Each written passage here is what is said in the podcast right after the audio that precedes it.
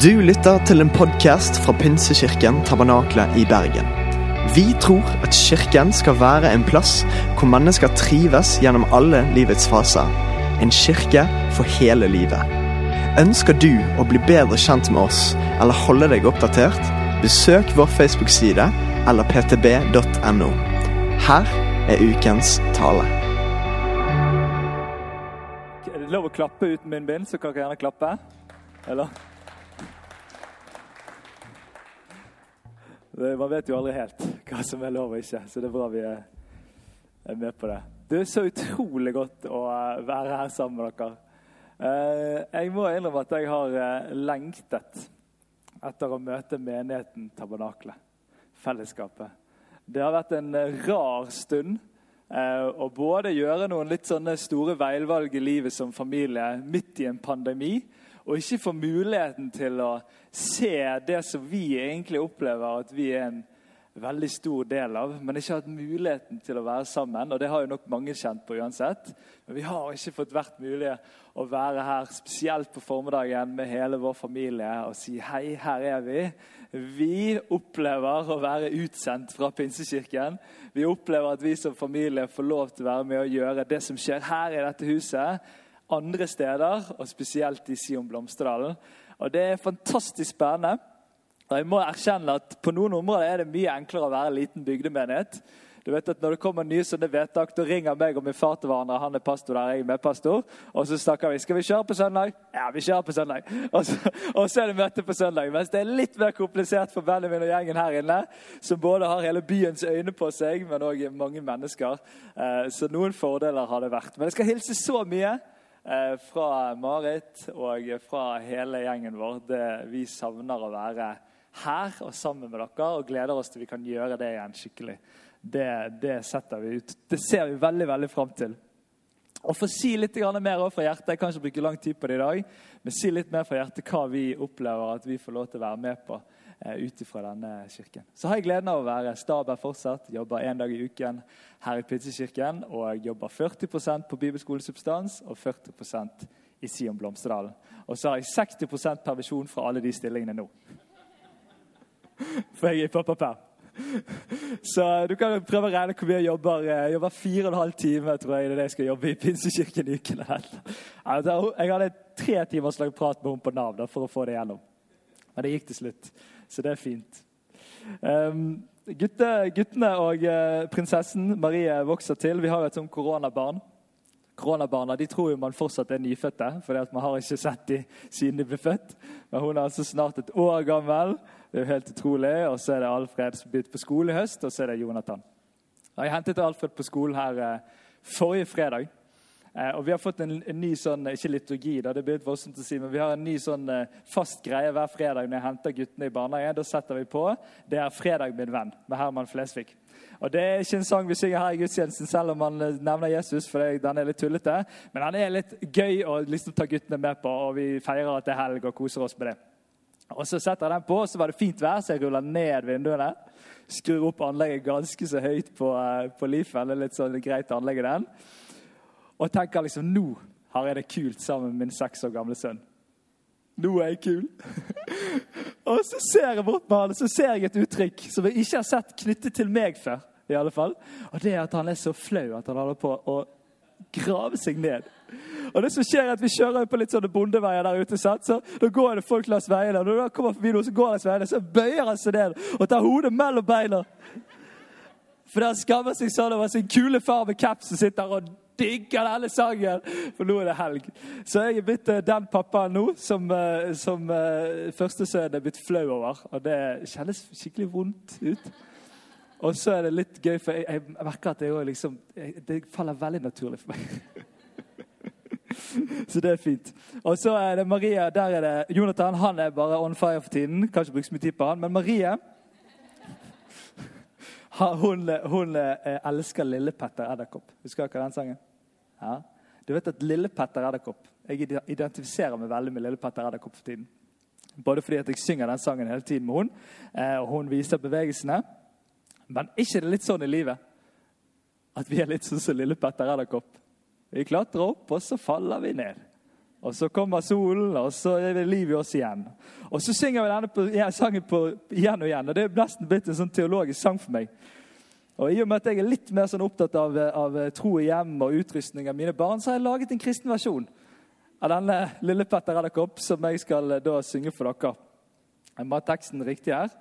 Um, og, og, Marit mente at jeg ikke måtte tulle med det, for folk mente at jeg var, kunne tro at jeg var seriøs. Men jeg går så ser dette her. er. Lille Guds barn som lever på vår jord. Så kommer synden, og alt ble som i fjor. Ja, altså, sant? Du skjønner hva jeg mener? I fjor. altså Det, liksom, det går om igjen om igjen. sant? Ender, faller og faller, faller om igjen om igjen. Så kommer nåden og skinner på dens liv. Da ble det liv i barnet som kunne ha hett Siv. Eller et annet navn som på en måte faller inn der. Det var vanskelig å fylle riv der på slutten. Men vi, vi fikk forrige søndag vite i starten av denne taleserien at synden er et problem, og vi har funnet løsningen. Vi har løsningen. Samtidig så må jeg være ærlig og si at det oppleves litt problemfullt i mitt liv fortsatt. Dette med synden. Dette med at det er noe i meg som gjør at jeg gjør ting som jeg ikke egentlig mener er riktig eller godt. Eller det er noe som jeg tenker som ikke er av det gode. Så er det noe ting i meg som gjør at jeg kjenner at det er fortsatt problemfullt. Selv om jeg kjenner til løsningen, selv om jeg opplever at jeg lever sammen med frihetens konge, så er det fortsatt noe som preger meg som menneske. Så hvordan kan vi leve i dette? Hvordan kan vi leve i denne fortellingen av at vi tror på en løsning for synden, men vi samtidig driver og fighter litt med han? Samtidig driver og kjenner på han og faller litt i han og er litt sånn lille Petter Edderkopp i vårt kristenliv? Hvordan kan vi ikke bare overleve i det, men faktisk leve i det? Vi er jo kalt et liv i overflod. Masse liv, masse glede, masse godt. Hvordan kan vi leve til og med i dette, da? Og hvordan kan vi i alle fall unngå at vi lurer oss sjøl. Jeg vet ikke om du har tenkt på det, men Den letteste å lure i hele verden, det er deg sjøl. Iallfall sånn er det for meg. Ja, vi lurer oss, unngår reise, tenker ja, men vi faller vel egentlig ikke. Eller er det noe egentlig så farlig å falle? Eller hva er noe egentlig et fall? Og så driver vi og så lurer oss litt unna. Hvordan kan vi leve midt i dette? Det skal vi snakke om nå og neste søndag. I starten av eh, meg og Marit sitt eh, kjæresteforhold så var det utrolig fint. Jeg vet ikke om dere husker starten, hvis dere er i et kjæresteforhold eller et ekteskap eller har levd lenge sammen med noen. Jeg tenker liksom, husker denne starten. Er et eller annet nydelig. Jeg tror han blir bedre og bedre jo lenger tid det går. da. Han bare liksom gjør det litt så fin. Men allikevel så var det helt nydelig. Vi hadde det så fint, og vi var så forelsket, og det var så bra. Og så husker jeg fortsatt at vi var på en skitur ute i Nordmarka. Vi bodde i Oslo den perioden. Og så sitter vi der og har en pause, og så sier Marit setningen. Du, jeg har tenkt på en ting. Har dere, har dere, har dere liksom, vet dere hvordan stemningen blir når, når, en samtale begynner sånn? Du, jeg har tenkt på en ting. I alle fall med min kone så vet jeg at nå, nå kommer det. Og vet du hva som skjer? Vet du hva Marit gjør? Altså, Det er ikke lenge vi har vært sammen. Hun begynner å si sånn du, det er en ting jeg syns du må forandre med deg sjøl. Det er en ting som ikke er så bra med deg. Bare, hun sa det ikke så, så, tydelig, men det var det jeg hørte. Jeg bare, Hæ? Hva sier du for noe? Hæ? Du vet, du, hæ? Det første skjer jo selvfølgelig er at jeg, selvfølgelig begynner å argumentere. Det var jeg relativt god på på den tiden. der, i alle fall i forhold til sånne ting som dette.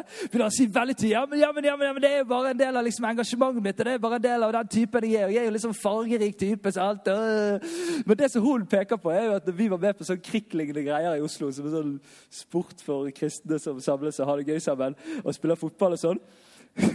så, så, var det sånn at når vi var der, eller jeg var der, spesielt meg og noen andre kompiser som jeg vokste opp med, så ble det alltid så mye krangling. jeg skjønte ikke hvorfor det var så mye krangling, men, men, hun mente kanskje at det var bundet opp til meg. da. Og mitt konkurranseinstinkt. Som jeg selvfølgelig mente at bare hadde vært positivt i livet. og Jeg var veldig glad i å vinne fotballkamper, og det var positivt når jeg spilte fotball på, på, på litt sånn eh, alvorlig nivå. Men det passet ikke så godt inn. Jeg husker fortsatt den bursdagen til en venninne. Der hun ene venninnen som ikke kjente vår gjeng, hun begynte å grine midt i spillet. For da kranglet vi så mye. Mens vi var jo så vant til å krangle sånn når vi spilte spill, for det var jo sånn det var å spille spill, og vi skulle jo vinne, og da bruker vi alle midler vi kan for å vinne. Jeg er ikke sånn lenger. Var, det er derfor det er så enkelt å snakke om det. Men du vet det at når, når, når, man blir glad i hverandre som mennesker sant? Og man liksom blir så glad i hverandre at man liksom har lyst til å leve fullt sammen, så blir det komplisert. Fordi at kjærligheten til den andre blir så stor at man ønsker å være med og si fra at her, da, her er det noe med deg som kanskje ikke er så bra for deg, og ikke bra for andre mennesker. Jeg husker På Facebook så var, før så var det sånn du kunne ha sånn forholdsstatus, og så kunne du ha sånn It's complicated. Jeg husker alltid tenkte det, det er jo det uansett, tenkte jeg. Eller sånn utenom de to første månedene. Liksom. Det er jo komplisert. Men, men, det er ikke det at det liksom, forholdet er skjørt. Men hvis det er et forhold der noen elsker hverandre, så blir det komplisert. Fordi at man elsker noen for mye til å bare si sånn Ja, ja, du får det bare fortsette å være han der idioten som, som lager dårlig stemning. Sant? Vi, vi bryr oss så mye at vi sier ifra. Og selv om det var vondt når Marit sier ifra, og kanskje spesielt vondt fordi det var helt riktig, så er det så viktig at det skjer. Og Hvis da relasjonen mellom oss og Gud har sitt utgangspunkt i at han elsker oss, så blir det komplisert der med en gang. Og det må vi snakke ærlig om, folkens. At Hvis utgangspunktet er at min tro starter ved at Gud elsker meg først, tar et initiativ overfor meg, og det starter vår relasjon, så blir det komplisert. For da elsker Gud meg for mye til å la meg henge igjen i ting som ikke er bra for meg, og ikke bra for andre mennesker. Og heller da ikke bra for mitt forhold til han. Og Det er jo det som er synd, folkens. Sant? Og Det betyr at dette er utgangspunktet, at det er kjærligheten som kompliserer. Og det er på en måte litt fint at det er det som er utgangspunktet, men det gjør det òg ganske vanskelig og komplisert. Vi skal gå ut av et eh, vers her. Vi skal noen, noe, To vers vi liksom i utgangspunktet går ut ifra. Det ene verset det hadde eh, Benjamin oppe for to søndager siden. Så det er helt nydelig. Så der har dere fått en liten innføring i verset allerede. Men jeg har lyst til å arbeide med en del av dette verset. og Det står i Filippane 2. 12-13. Her er det Paulus som skriver til menigheten i Filippi. Men mine kjære, dere har jo alltid vært lydige mens jeg var hos dere. Så vær det enda mer nå som jeg er borte, og arbeid på deres egen frelse med respekt og ærefrykt. Det er nesten som jeg kunne sagt dette til dere. Jeg har vært borte en stund. Kunne tatt den rollen, men jeg skal ikke gjøre det. For det er Gud som er virksom i dere, så dere både vil og gjør det som er etter Guds gode vilje. Benjamin la fram denne dobbeltheten i dette verset. At vi skal arbeide, men det er han som er virksom. Og Det som er interessant er at Arbeidet som skal gjøres, er kanskje ikke først og fremst knyttet til en oppgave på en gudstjeneste. En tjeneste jeg skal gjøre. Arbeidet her er knyttet til lydighet lydighet til Gud. Det kan være lydighet i forhold til en tjeneste eller en oppgave, men det kan være dette peker på noe litt dypere i oss. Men altså Det ble sagt veldig tydelig forrige gang vi var sammen eller søndag med Benjamin for to søndager siden, at dette handler om at vi får arbeide på og ikke for. Og Det må jeg få lov til å si igjen, for her fins den farligste misforståelsen i kristen tro. Det er at jeg skal være lydig for å bli frelst. Eller for å være sammen med Gud. Mens her er det et utgangspunkt man får leve på. Sant? Man arbeider på sin frelse. Det er så viktig at det står fast. Alt forandrer seg når vi forandrer på det ordet der.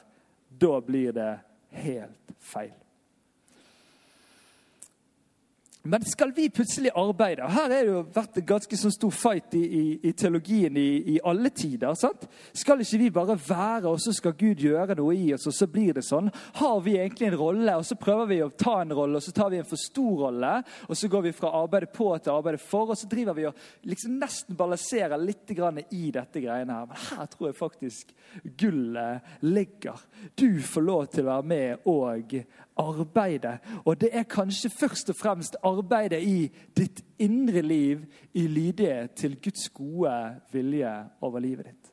Ikke arbeidet som vi er vant til, å stille opp på dugnad eller gjøre en jobb. eller er det, er det noen som trenger, så skal jeg gjøre det der. Men dette indre livarbeidet av å møte seg sjøl sammen med Gud. Så hva er det som rår her inne? Hva er det som skjer her inne? Hva er det som tenkes her inne? Hva er det som preger dette her inne i meg. Så er det så fantastisk at når Gud har satt en god vilje, så har han gitt denne kraften til at vi skal få lov til å gå inn igjen. Det er dobbeltheten av at vi har vår vilje til å koble seg på Guds vilje og hans kraft til å hjelpe oss i den reisen eller fortellingen. Og I Romane 12, 1-2 så står noe av det samme. Og Der står det derfor formaner jeg dere ved Guds barmhjertighetssøsken. Bær kroppene fram som et levende og hellig offer til glede for Gud. Hvem er det som bærer? Vi som bærer. Bær kroppene deres fram. Nei, Vi har en oppgave igjen. Oi, Skal vi bære fram? Skal jeg, skal jeg gjøre det? Ok, Greit. Det skal være deres åndelige gudstjeneste. Innrett dere ikke den, etter denne nåværende verden, men la dere forvandle ved at sinnet fornyes så dere kan dømme hva som er Guds vilje, det gode, det som er til glede for Gud, det fullkomne. Igjen så har vi denne dobbeltheten. Vi skal bære frem, og så skal vi la sinnet forvandles. Og I fjor, rett før pandemien slo til, så kjøpte jeg elsykkel. Fordi jeg mistet lappen. Og For å kunne ta og eh, drive og hjelpe mine barn eh, til å komme der de skal, og at min gravide kone ikke skulle slite seg helt ut, så investerte vi i en elsykkel. Og Da syklet jeg hele tiden med de. Og det som er nydelig med en elsykkel, eh, Hvis du ikke har prøvd elsykkel og ikke har tenkt å kjøpe deg elsykkel, så må du ikke prøve elsykkel. For da har du aldri lyst til å sykle på en vanlig sykkel igjen. Men det som skjer med elsykkelen, er at det er en motor på elsykkelen. Og når man begynner å trø, så trer denne motoren inn og hjelper deg. Og Jeg bor et sted der det er veldig mye bakker, og da skulle ha en vogn med ett barn i og et sete med et annet barn i, så ble det ganske tungt å sykle uten denne motoren, så da fikk jeg motorhjelp av elsykkelen. Men det som er interessant med elsykkelen, er at jeg kan ha så mye motor jeg vil på denne elsykkelen, men hvis jeg ikke trør, så går ikke motoren i det hele tatt. Altså, jeg må begynne nå, Dette er et veldig, veldig enkelt eksempel. Jeg må begynne å trø så slår motoren inn. Følger dere meg? Ja. Og når jeg da, ja, og når jeg da trør, så slår motoren inn. Og hvis jeg trør hardere, så slår motoren faktisk hardere inn. Ja, Det er interessant. Det er fantastisk. Ikke prøv det hvis du ikke skal kjøpe det.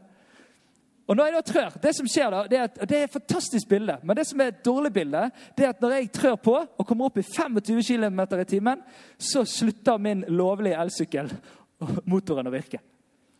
Jeg, jeg, vurderte å kjøpe ulovlig, men så hadde jeg mistet lappen. og tenkte at det var ikke lurt å kjøpe ulovlig elsykkel. Ja, så der kom moralske pekepenn Men den slutter å gå. Og vet du hva som skjer da etter 25 km i timen? Da sykler jeg på verdens dårligste sykkel i hele verden. Den er så tung, den er så dårlig, og jeg sykler i 25. Jeg bruker så mye krefter at det bare stopper opp. Og det som er greien er at Dette bildet mitt er veldig bra helt fram til vi kommer til 25 km i timen.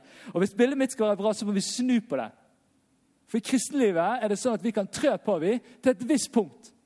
Og så hjelper det ikke om vi trør mer. Da trør vi på verdens dårligste sykkel. Mens det som skjer, er at livets motor, Guds kraft, den trer jo inn ekstra mer på 25 enn det elmotorsykkel der den skrur seg av. Og Det handler om at når jeg kommer ut i ting som ikke jeg har peiling på, der jeg opplever at jeg sjøl ikke har kontroll, det er da ofte Guds kraft får virke fullt ut. Og da blir det en ulovlig elsykkel. Ja, vi har et liv som kristne med ulovlig elsykkel. Jeg har, jeg har så syklet det forbi Hun trødde ikke engang. Hun gikk i 50 km i timen. Det var helt sykt. Og det er så stor forskjell på begrepet 'forvandle' og 'forandre'. Forandringen den kan vi ta litt sammen, gjøre litt sjøl. Ja, vi kan fikse på noen små greier, men forvandlingen er det Gud som må gjøre i oss. Men vi må være med. Vi må begynne å trø. Vi må ha en lengsel, vi må ha et ønske. Vi må ville dette her inn i livet vårt. Og Jeg har lyst til å begynne litt der og si at det fins et initiativ som ligger hos deg. Av å ville ta tak i disse tingene i ditt eget liv. Av å ville ønske at selv om det har vært sånn lenge, så vil jeg ikke at det skal være sånn framover. Fordi dette er ikke bra for meg, og ikke bra for andre mennesker. Og Jeg opplever at denne samtalen rundt synd veldig veldig ofte henges fast i eller stopper opp i samtalen om hva er det som er synd. Og Jeg tror det er en viktig samtale. Vi må ha den samtalen. Den må være kontinuerlig. Hva er det som egentlig er synd? Problemet er at hva er det som egentlig er synd-samtalen? Den er så stor. Den, helt, den, den, skjer ofte mange plasser hele tiden. Men samtalen om hvordan takle synd i livet, den er bitte litt der borte. Fordi vi er, så, vi så redd for å til og med liksom si høyt at det er synd i livet mitt som jeg kjemper med. Det har nesten ikke vært rom for det i menighetsfellesskapene våre. i det hele tatt. Vi har drevet og tenkt at det der er en sånn at jeg skal holde for meg helt i mitt indre, helt alene, og så får det bare være stakk av meg, og så får vi se hvordan det går. Men hør da, vi må snu om på dette. Det er ikke sikkert vi trenger å gjøre samtalen så liten i forhold til hva synd er. Men hør, da. Når jeg følger Jesus, så blir jeg overrasket over hvor mye greier som er synd. Vet du, Jesus han, han, han tar listen. Si, Listen så lavt, tror jeg det blir riktig å si. Listen blir så lav for hva som er synd. At, at, at Samtalen om hva som er synd, er nesten sånn Hvis du lurer på om det er synd Mest sannsynlig synd. Nå har vi litt sånn ærlig tak her. Er det greit? Ja, mest sannsynlig synd. Hvis du lurer, mest sannsynlig. altså, det har funket veldig bra for meg. da. Vi La oss gjøre samtalen større. Hvordan kjemper jeg med dette livet? Hvordan er det dette jeg, jeg håndterer disse tankene som ikke er? Hvordan, hvordan er det jeg kjemper i dette? Hvordan jeg kan stå sammen med menighetsfellesskapet i dette? Istedenfor at samtalen heter vi, ja, men hva er det nå egentlig synd? Er dette synd, eller er dette synd? Og så er det en viktig prat, jeg er enig, men det må ikke bli hele praten. Mister vi livet, så ender vi av og til opp med å ikke leve. Fordi vi bare går ut og snakker om livet istedenfor å leve. Oh. All right. Dere som ikke kjenner meg Jeg snakker som at jeg kjenner dere. All right. Bare snakk med han etterpå og si at André han er egentlig veldig grei Vær snill. Ok. Jeg tror det fins en arbeidsbeskrivelse i boka. Jeg tror det fins en arbeidsbeskrivelse i helheten av evangeliet til oss som kristne i dette å arbeide på vår frelse i forhold til Guds gode vilje i livet vårt. Og Det starter med å erkjenne. Og erkjenne eh, det har jeg valgt å prøve å definere som om at man blir så klar over noe eller så bevisst på noe at man begynner å handle ut ifra det. Alright? Jeg vet ikke om det er en riktig eh, beskrivelse, men for meg hørtes det riktig ut. Altså, Erkjennelsen er jeg, jeg, jeg, jeg, blir så klar over noe, så bevisst over noe, at jeg ikke bare tenker på det eller lurer på det eller undrer på det. Jeg begynner å handle på det som at det finnes. Som at det er reelt. Erkjennelsen, det starter med erkjennelsen. Og hvis vi skal klare denne arbeidsbeskrivelsen, så må vi begynne med den viktigste erkjennelsen av de alle. Og det er erkjennelsen av å være elsket. Å, det går ikke an å arbeide på frelsen hvis ikke man stoler på at man er elsket funker ikke. Man trenger å kjenne at man er ønsket. Det går ikke an å arbeide på frelsen hvis ikke man kjenner at man er ønsket av Gud. Det går ikke an å arbeide på frelsen hvis det handler om at vi tror at vi alle sammen skal bli like. Vi arbeider på frelsen helt unikt. Som helt forskjellige mennesker. Som denne nydelige kroppen menigheten skal være av forskjellige mennesker. Vi skal ikke bli like, vi skal være unike i det som Gud har for oss i livet. Og Så kommer det en erkjennelse. og Den høres negativ ut, men den er en viktig erkjennelse i dette egentlig positive. Og det er at du må erkjenne at du kommer til å synde og gjøre feil. Igjen og igjen. Resten av livet. Og Det høres ut som en kjip erkjennelse, men det er verdens beste erkjennelse. Av å erkjenne at jeg kommer til å leve med dette videre. Du vet at unge André på 16 år han var sikker på han, at han bare fikset det ene problemet som var veldig stort i hodet på han, så var det over. Ferdig. Finito. Nå er det perfect. Nå fikser jeg det. Det som skjer er at Når du lever lenger og lenger og graver dypere og dypere i deg sjøl, så finner du mer og mer dritt. Jeg vet ikke om dere har vært med på den reisen. Det blir mer og mer greier, for det går dypere og dypere i deg. Og Du har mer og mer eh, erfaring og mer og mer liv og mer og mer sårete eh, følelser og mennesker og ting som har skjedd. Og så blir det bare dypere og dypere. Du, du blir ikke ferdig med dette. Og En erkjennelse av det er nydelig. For Da driver ikke du og fighter som at det er helt sånn 'Å nei, tenk hvis, tenk hvis'. Da driver du og fighter på noe. Ja, men dette er det. Livet som kristen.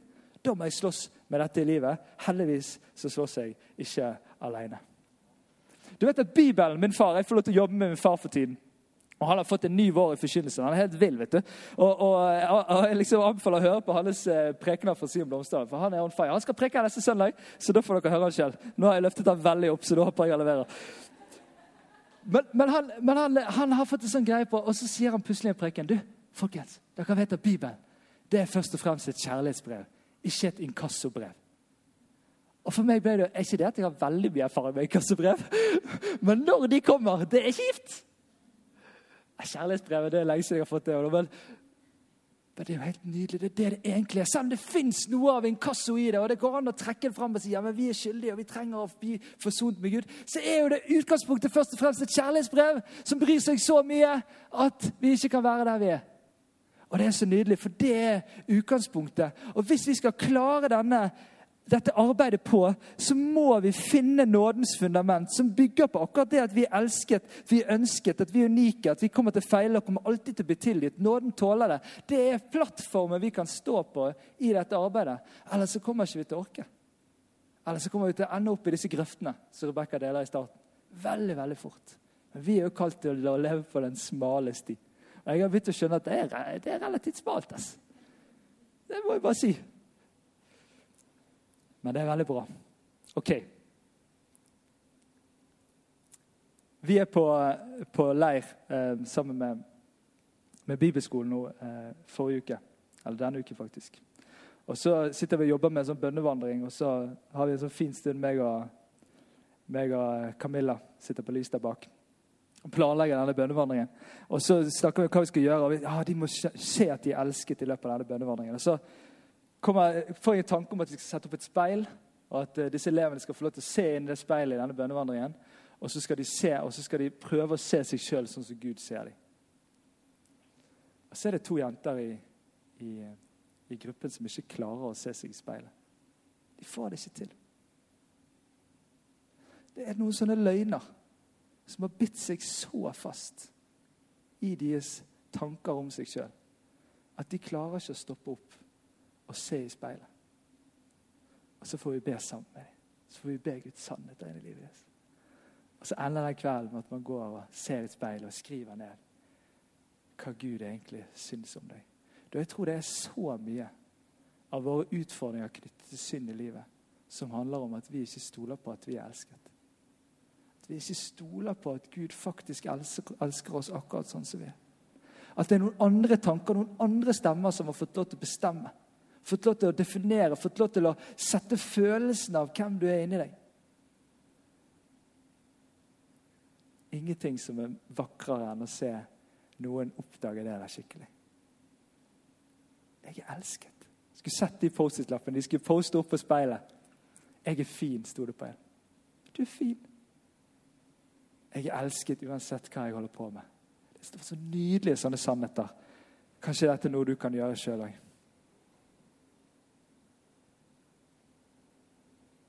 Du har ingen rett til å behandle deg sjøl dårlig i forhold til andre mennesker.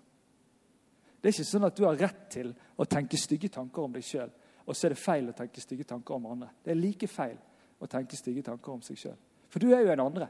Du er jo en, du òg. Du er jo et menneske. Sånn er det å være en kristen. Vi tror vi alle har helt uendelig verdi. Og det å tenke stygt om seg sjøl er vel så gale som det å tenke stygt om andre. faktisk. Og Dette må vi begynne å snakke høyt om, for dette binder mennesker. De tror at de kan gå rundt og leve hele livet med å tenke stygt om seg sjøl bare så lenge de tenker stygt om andre. Men jeg har lyst her i dag å erklære det som en synd å tenke stygt om seg sjøl. På det fundamentet av nåde, på det fundamentet av å arbeide på frelsen, så er det sånn at jeg tror at det er ikke etter Guds gode vilje at du tenker stygge tanker om deg sjøl. Jeg sier ikke at det kommer til å gå over i kveld, men jeg tror at du skal få lov til å arbeide i det og jobbe i det. At Gud skal virke i seg med sin kraft og forandre og til og med forvandle din tanke om deg sjøl. Da står vi på fundamentet av Guds nåde. Det står ikke på oss og faller på oss. Stolten vårt er ikke prestasjoner og gjerninger, men det at vi er elsket og tilgitt. Da tåler vi arbeidet. Da tåler vi det som er første steget av å erkjenne synd. Ok. Når Guds gode vilje, som vi leser om, treffer mitt liv, når jeg ber om at Guds gode vilje skal treffe mitt liv, så kommer det til å avsløre ting som ikke er etter den gode viljen i livet mitt. Og Da starter det med erkjennelsen. Erkjennelsen av at det er en god vilje, som Sandra snakket om sist gang. Det fins en Gud som har en god vilje over livet vårt, og han har løst, løsning på syndeproblemet. Men vi erkjenner den store Guds vilje, og så inviterer vi han inn i livet vårt. Og så lar vi han avsløre. Og når den avslører, så erkjenner vi at dette er synd i livet mitt. Du vet at når jeg ble pappa, så, og ungene vokste til og begynte å gjøre dumme ting, så ble jeg sint på dem. Så dere erfarte med barn. Jeg ble skikkelig sint på disse barna. De gjorde ting de ikke skulle. Men det som skjedde var jo at jeg oppdaget et sinne som jeg trodde jeg hadde kontrollert for lenge siden. Og som jeg var veldig opptatt av at ikke skulle få plass i min rolle som pappa. Og Så kommer dette ukontrollerte sinnet fram.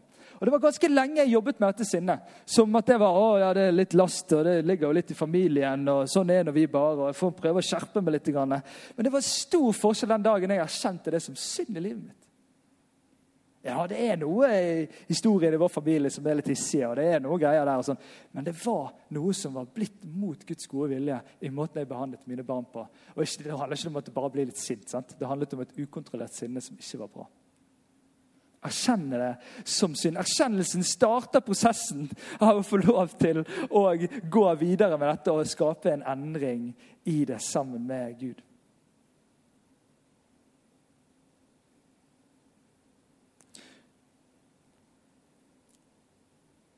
La oss gå litt konkret. Hva kan være synd i livet? Og her er det jo du som er eksperten. Så det er ikke vits i at jeg driver med mange eksempler, for det er du som vet.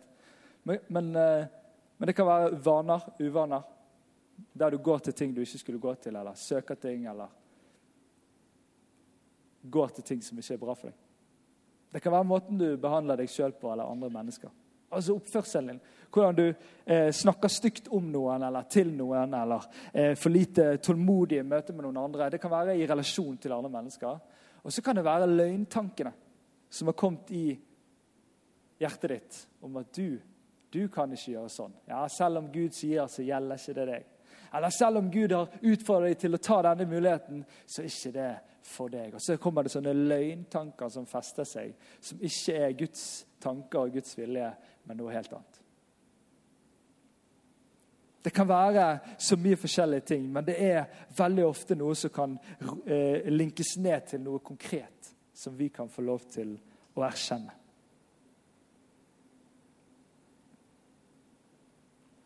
Og når vi får erkjenne Og Når vi erkjenner synd i livet, så får vi lov til å ta et steg til. Altså Første steg er å erkjenne, og så kommer steg nummer to. Og det er blitt så stort for meg å få lov til å bekjenne. Efesene 5, vers 8-14 snakker om noe av det som er i bekjennelsen. En gang var dere selv mørke, men nå i Herren er dere lys. Lev da som lysets barn. Lysets frykt er all godhet, rettferd og sannhet. Prøv hva som er til glede for Herren. Ta ikke del i mørkets gjerninger, for de bærer ingen frykt. Avslør dem heller. Det som slike folk driver med det skjulte, er det en skam å bare nevne. Men alt kommer for dagen når det blir avslørt av lyset. Og alt som kommer for dagen, er lys. Derfor heter det, våkn opp, du som sover. Stå opp fra de døde, og Kristus skal lyse for deg. Det er mye greier som vokser hjemme hos oss. Barna vokser til, og vi har masse planter som vokser. Og disse plantene de setter vi fram i lyset for at de skal vokse. Og så har vi det sånn at eh, Hvis vi ikke de får lys, så vokser det ikke. Men det er en sånn sær greie det at det er noen ting som vokser i skyggen. Og Det er som oftest de tingene man ikke ønsker. Og Vi har et nydelig skifertak på framsiden av huset som får sol hele tiden. Det er nydelig. På baksiden av dette skiferhuset er det skygge stort sett. Og der er det allerede nå Det er jo ganske nytt takk begynt å komme mose. den grønne, stygge ting. Setter seg fast. Nå finnes det sånne nye taksteiner som det ikke setter seg fast i, men jeg har gammel skifer. God plass til å sette seg fast. Det er så stor forskjell på solsiden og på mørkesiden. På skyggesiden. Du vet at I skyggene der vokser det som ikke vokse skal. I mørket og i skammen inni deg, der vokser det som ikke skal. Og Det vokser seg så stort. Og det oppleves så stort. Og det kan bli så svære greier for dette bare er noe som du holder på inni deg der. Vet du hva? Vi har en Gud, en nådesol. Det er denne lille Petter Edderkopp-sangen. Når solen kommer, så skinner det over livet ditt. Og så avslører det, og så frisker det opp, og så blir det noe som får liv igjen, eller tas vekk det som ikke skal være der. Bekjennelsen er å si det høyt ut. Tydelig steg på erkjennelsen av å si dette er synd i livet mitt. Dette er noe jeg ikke ønsker at skal være der. Gud, kan du gjøre noe med det? I Jakob 5, 16 så står det Bekjenn da syndene for hverandre. Hvem er hverandre? Det er vi, det. Ikke noen andre. Hverandre. Så dere kan bli helbredet. Det er helbredelse i å få si det ut. Og Her kan psykologien bygge opp under, og sånne ting, og det er ikke det at de har rett, for de har bare liksom skjønt noe som for lenge siden sto i Guds ord om mennesket. For det kan bli fri i det. Du kan bli helbredet i det av å si det høyt til noen. Kanskje har du noen, kanskje har du en gruppe eller en sammenheng der det kan være rom for å skulle bekjenne ut. Si det ut. En konkret måte å la lådesolen skinne inn i livene våre. Og så skal vi neste uke snakke om tredje steget, som er omvendelse som er endret atferd. Som er at ja, vi gjør feil, men vi trenger kanskje ikke gjøre de samme feilene på samme måte om igjen og om igjen. Vi ledes inn i den kraften som kommer når ikke vi har mer kraft igjen, som smeller inn i livet. Så kan vi få lov til å vokse i noe som ikke vi har kraft til sjøl, men som han har sin kraft i oss til.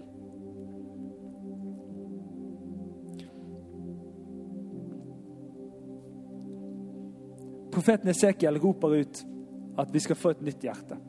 At steinhjertet skal tas ut, og at kjøtthjertet skal ta en ny plass. Og Det er noe i beskrivelsen av det menneskelige kjøtthjertet som handler om bevegelse. Som handler om at det er bevegelse. Der stein blir hard og uformbar, så er det, det, det, det kristne menneskehjertet formbart og mykt og i bevegelse. Jeg tror faktisk at mye av det å få lov til å være med på det som Gud gjør i vår tid, på nye måter, på forskjellige måter, med at tidene forandrer seg, alt går framover, sånn er det bare, at man holder seg myk på innsiden, tror jeg faktisk ikke handler om å bli kul og, og synge kule sanger med kiden i forsetet. sant?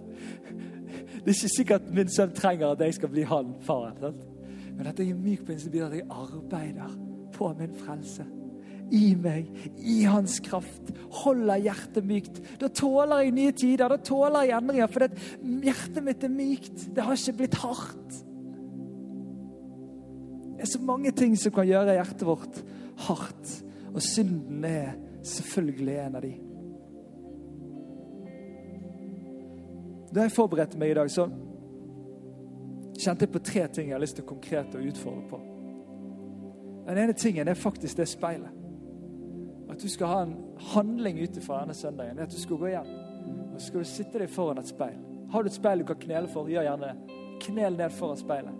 Så ser du deg sjøl dypt inn i øynene, og så ber du Gud, din far, å vise deg hvordan han ser på deg. Så skriver du det ned som et kjærlighetsbrev til deg. Dropp bibelreferanser. Dropp disse greiene. La Gud få snakke åpent inn i livet ditt. Ikke skriv ned de her selvfølgelige sånn her, 'Å, jeg vet jo hva jeg skal si'.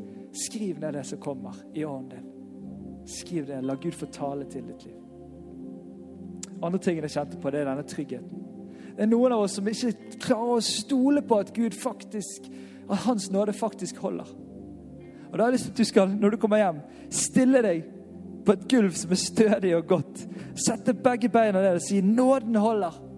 Herre, Jeg tror at nåden holder. Jeg bestemmer meg for å leve som at den holder. Han har holdt så mye greier før og kommer til å holde videre. Den holder!